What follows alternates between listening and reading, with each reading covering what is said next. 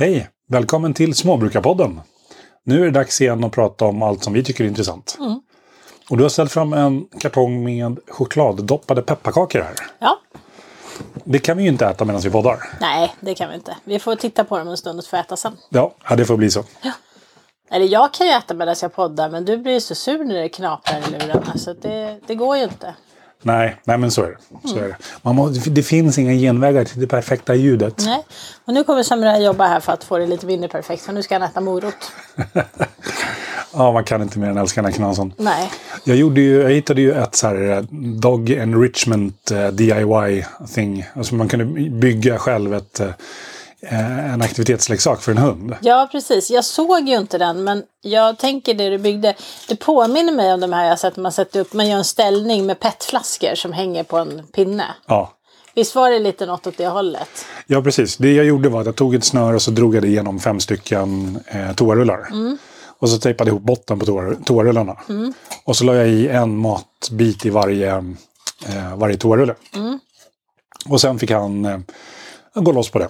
Fast vänta, eh, knöt du inte upp snöret någonstans? Ja, just det. Jag knöt upp det mellan två stolar. Ja, så att de hängde liksom på ett snöre och så skulle han peta på dem och då skulle den snurra och så skulle godisen trilla ut. På något sätt ska han få ur godisen. Ja, Och när man ser det där på, på internet då ser det alltid så sött ut när de så duttar med nosen eller slår med tassen och sådär. ja, och jag postar en länk till vår TikTok som jag gjorde på det när, när han käkade. Men man kan säga så här, han hade en annan tak- taktik. Ja, men jag vet ju vad Samurai har för taktik och det är ju liksom bärsärk. Det går ju alltid. Det blir alltid ett resultat för honom men det går fort och det blir oftast trasigt i slutändan. Ja, men det går ju fortare att äta upp toarullen med godisbiten inuti Exakt. än att peta ut godisbiten och leta reda på den. Jag vet, för jag har ju gömt toarullar med godisbitar här i huset ibland för att han ska få göra lite sök. Och när han hittar toarullen så får man aldrig ta bort den och öppna upp den. Och det skiter han själv i också. Han bara äter alltihop och är jättenöjd. Ja, Så jag är inte så förvånad. inte jag heller. Nej. Men jag tyckte det var lite roligt. Ja men det är kul när man ser hundar med så här aktivitetspussel och sånt och de liksom duttar lite med tassen eller tar så här försiktigt med munnen och lyfter någonting och flyttar på det. Typ så här. Samurai han tar tag i hela brädet med munnen och så kastar runt det några gånger tills allt liksom har flugit loss. Ja, sen är det bara att gå runt och äta godisbiten och så har man inget pussel till nästa gång heller för då är det liksom tuggat sönder. Ja, det är engångspussel. Ja, så det, han har ju sin egna portis-stil när det kommer till att lösa problem. Ja, faktiskt. Det är lite roligt. Det är lite underhållande. Men jag undrar om det är typiskt sportisar eller om det är liksom han som är sån. Ja, det är en bra fråga. Jag kan tänka mig att portisar kanske är så rätt vilda av sig. Men samtidigt så tror jag att hade vi liksom tränat han från början att göra det lite försiktigt så hade han kanske varit lite mer aktsam. Men vi har ju mest låtit honom gå lös på grejer och då är det här resultatet man får. Då blir det som det blir. Då blir det som det blir. Ja. Ja, ibland försöker man liksom vara lite smart när man gör, för han är så duktig på att söka och vi har inte så stort hus. Och när det är så här kallt så vill man ju inte liksom göra det utomhus alltid heller. Så då tar man liksom någon godisbit så gömmer man den i en kartong, i en kartong och så gömmer man kartongen någonstans. Det, han hittar den på två sekunder och sen river han ut de där två kartongerna på nolltid genom att käka upp halva kartongen. Och sen snofflar han i sig godiset och så är han jättenöjd. Ja, sån är Samurai. Så att eh, det, man får vara väldigt duktig om man ska lyckas gömma något för en längre sökning i huset. Ja, faktiskt.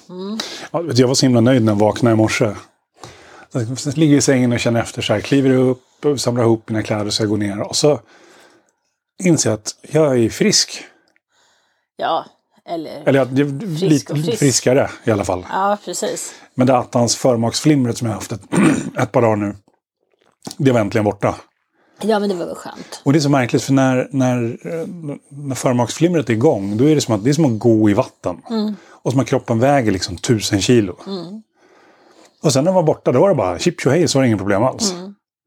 Ja, visst är det konstigt hur en sån väldigt, väldigt liten del av kroppen. Alltså det här förmaksflimret är liksom inte ens farligt.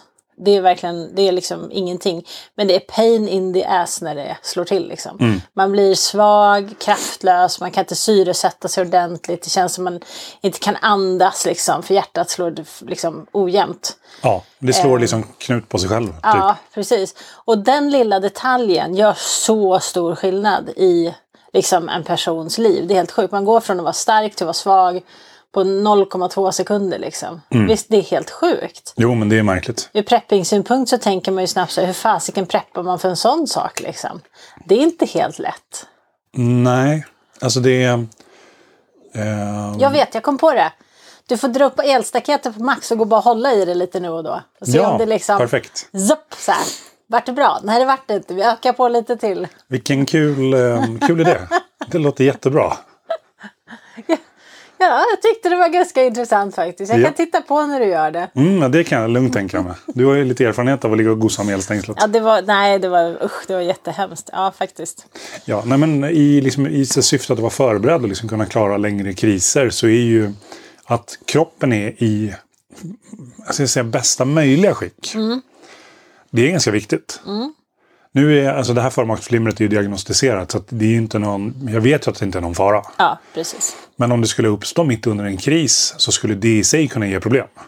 Ja, men absolut. Och man kan säga så här också. Jag tänker att folk brukar prata om att man ska vara så himla bra skick och man ska ut och springa och träna. Och, och då tänker jag så här, okej, så tjockisar kan liksom aldrig vara preppers för de, är ju, de orkar inte springa en meter liksom. Ehm, så då är det ändå kört. Men det är inte riktigt så det funkar heller. Jag tänker att tjockisar är ju liksom eh, vana vid att hantera sin kropp och starka utifrån det. Så att de vet ju sina begränsningar såklart. Men de är absolut inte liksom ehm, Alltså de är ju inte värdelösa och så.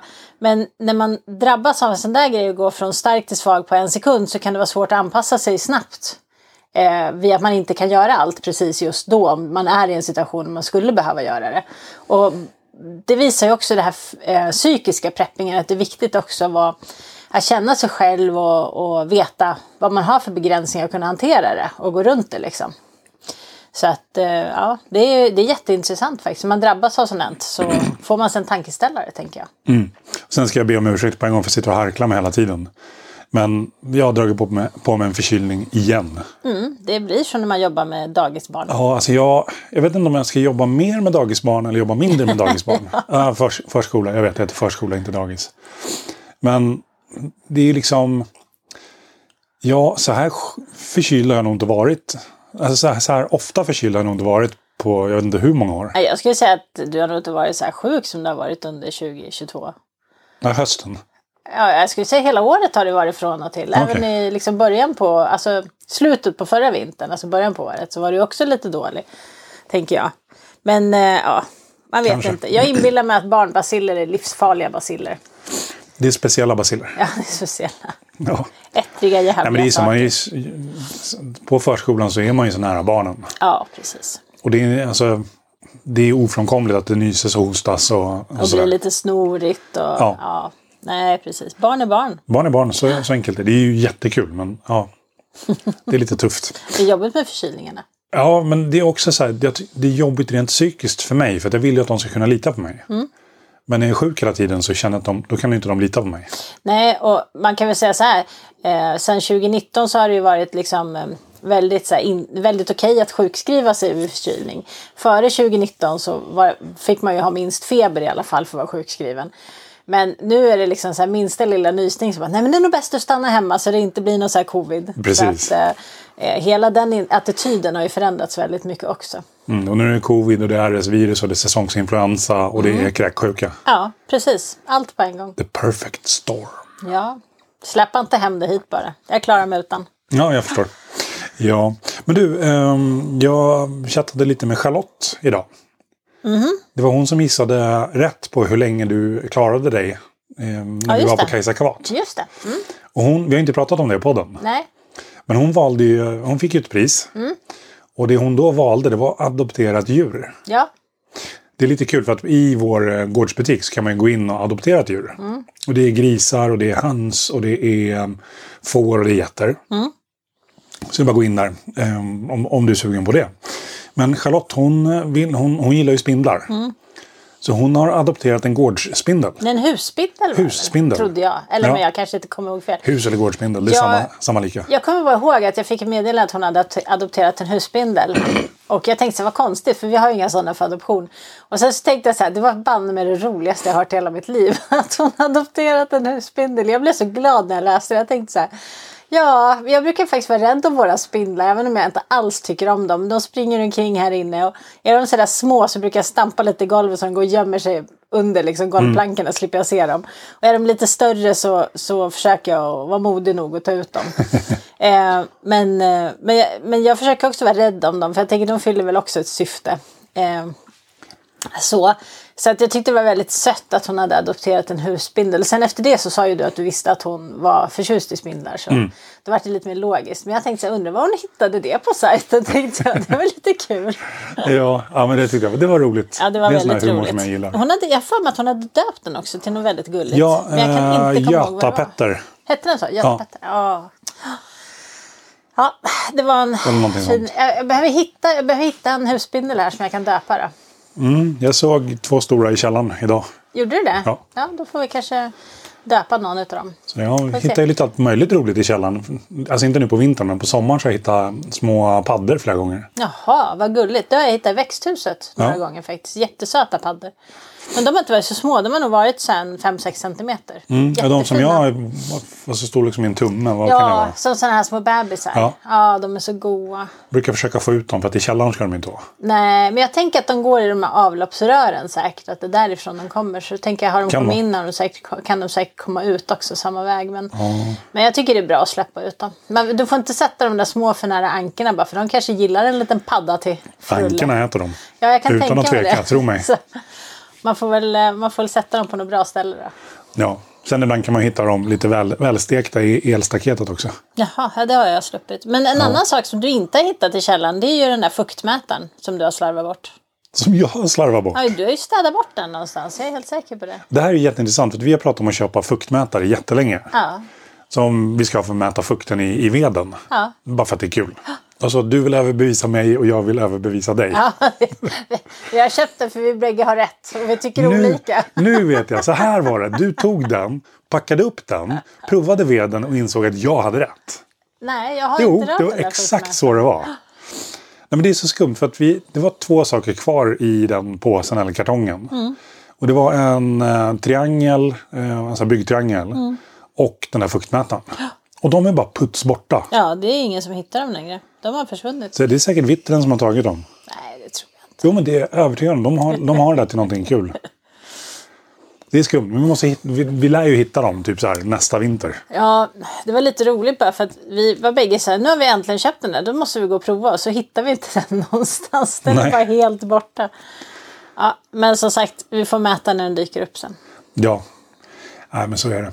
Du, eh, jag tänkte, vi pratade ju om hashtag svensk ost på pizzan Just det, för något avsnitt sedan. precis. Och du och jag har ju liksom, vi pratade ju om det i avsnittet sådär att det, det, det här är min åsikt, jag säger inte att du har samma åsikt.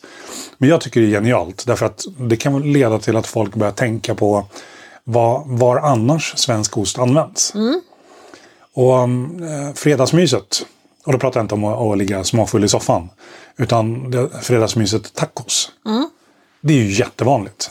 Ja, det är vad de säger i alla fall. Och, och i tacos så ingår det ost. Ja. Riven ost.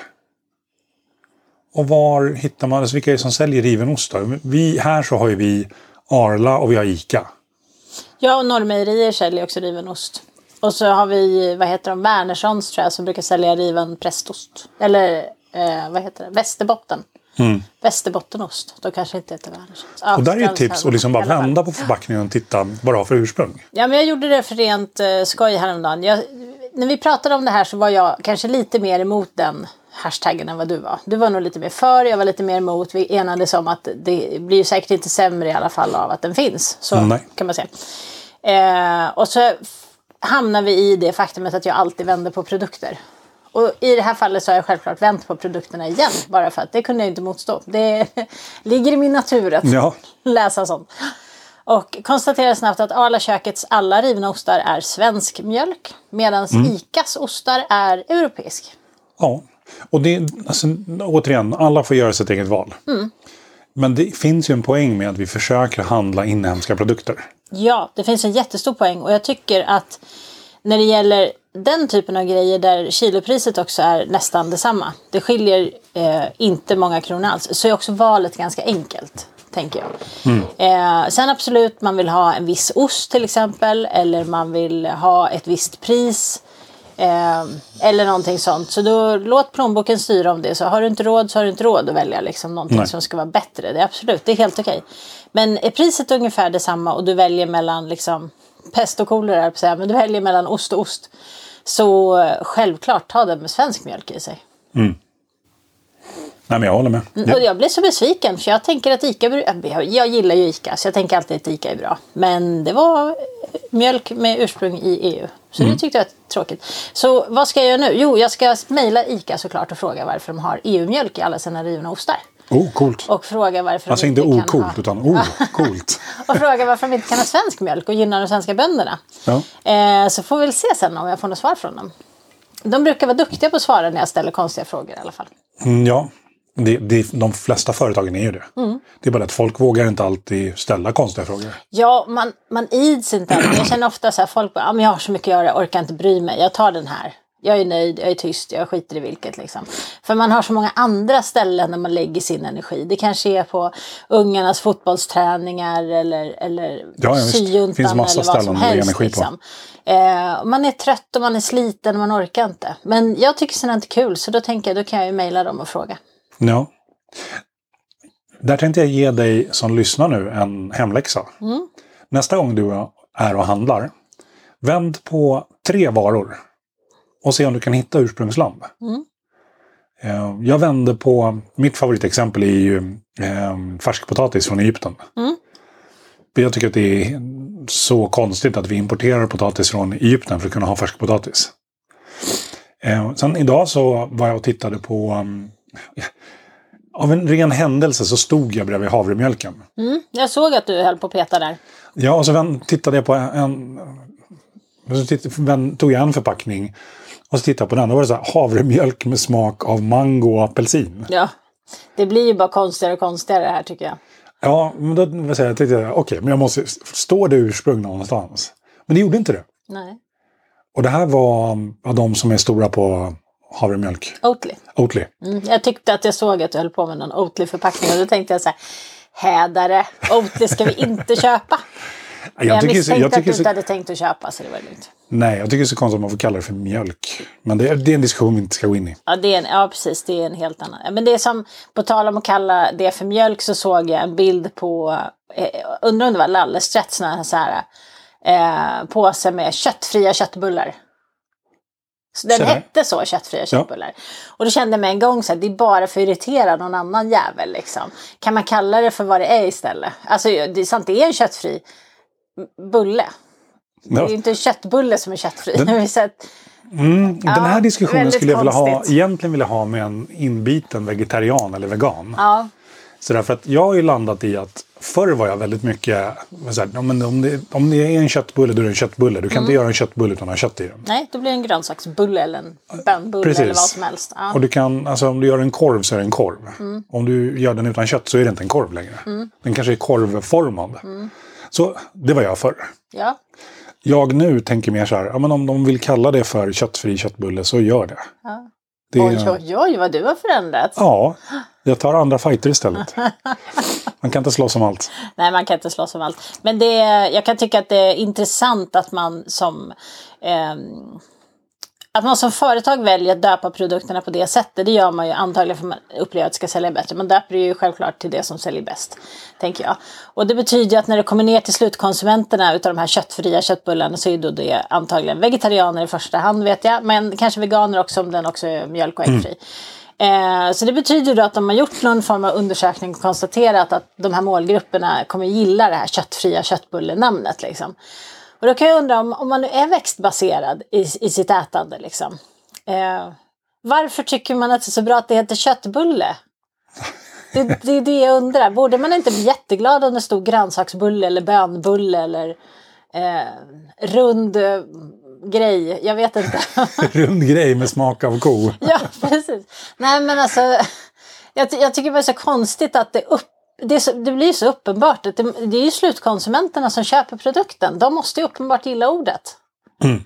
Jag menar, om jag var vegetarian eller vegan, varför skulle jag vilja köpa någonting som ens har med kött att göra? Varför, varför skulle jag vilja köpa fejkon?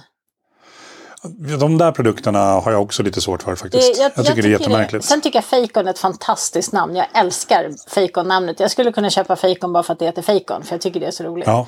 Där har vi verkligen ett bra namn på liksom en, eh, någon form av imiterad köttprodukt tycker jag är superkul. Eh, men, men jag är ändå lite sådär, eh, jag vet inte. Eh, jag tycker så här, på julbordet till exempel, alternativ till skinka Typ så här kålrot och sånt som de brukar göra. Helbakt med grillering och så. Men måste det heta vegetarisk skinka då? Kan det inte heta vegetariskt alternativ till skinka? Eller Ja, någonting sånt. kanske. Det, jag tänker att det är ju det det är. Ja, det är Ja. inte jag som köper produkterna. Nej, Så jag är väl inte målgruppen. ja, du är, du är verkligen inte målgruppen. Men med det sagt så kan jag säga att jag äter ganska mycket vegetarisk mat och köper även ibland eh, färdigmat som är vegetarisk. Eh, och skulle då kanske inte välja att köpa köttfria köttbullar utan välja någon som heter grönsaksbullar istället för att jag tycker det skulle låta trevligare för mig. Så att eh, de tappar ju min målgrupp helt liksom på något sätt. Ja, precis. Jag satt precis och kollade på Insta nu för att kolla upp användarnamnet på en person. Eh, Johannes Kullberg. Han gör väldigt mycket så bra matjämförelser. Och mycket av den vegetariska och framförallt den veganska eh, maten är ju hyperprocessad. Ja, den är ju verkligen det. Vilket är, um, det är lite tråkigt. Ja, men jag tycker någonstans... När det, började mycket, när det började mycket med det som fanns som vegetariskt liksom, alternativ som var liksom snabbmat så var ju det sojaprodukter. Det var ju liksom det första man hittade i frysdiskarna i Sverige var ju sojaprodukter.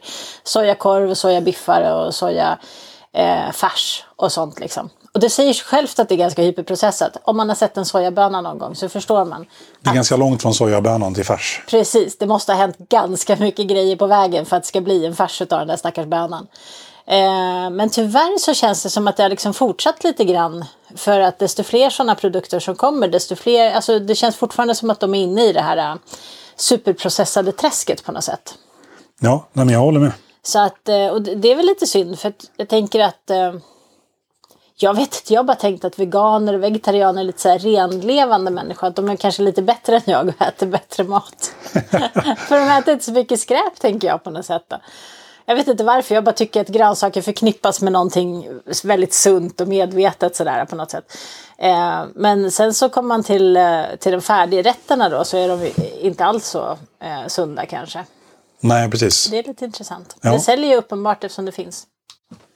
Men eh, tillbaka till min tanke om en läxa till, den, till dig som lyssnar.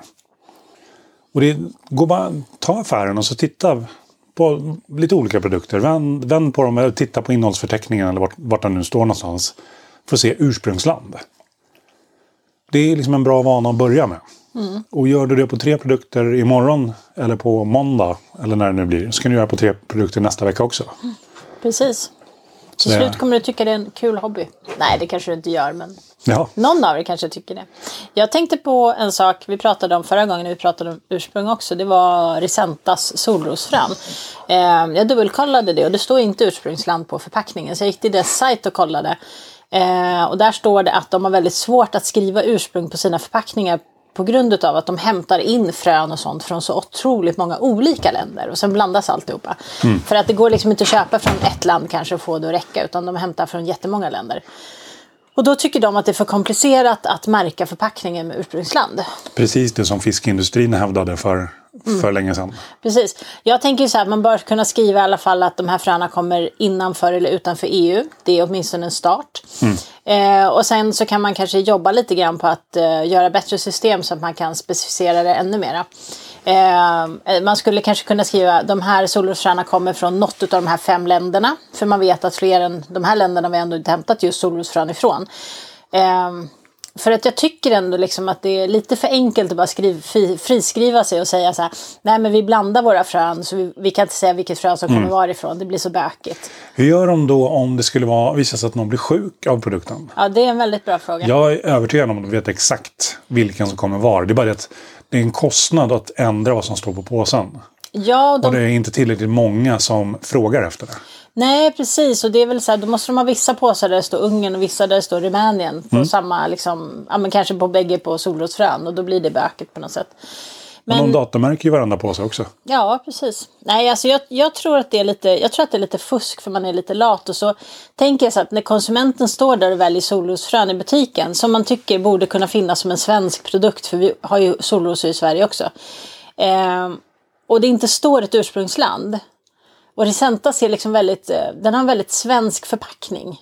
Mm, ja, den är ju ser väldigt blågul. Ja, den är väldigt... Precis, och den, är- den är liksom så här äh, väldigt modern, den känns väldigt äh, miljömedveten. Och- Men det var Eh, väldigt mycket klyschor på och den också. snygg och liksom så här. Och då tror jag att som konsument så tänker man kanske att när man inte ser ursprungslandet så, så kanske man bara liksom tänker att ja, ja, men man skriver inte det på de här förpackningarna. Och så glömmer man lite bort att ifrågasätta det. Mm.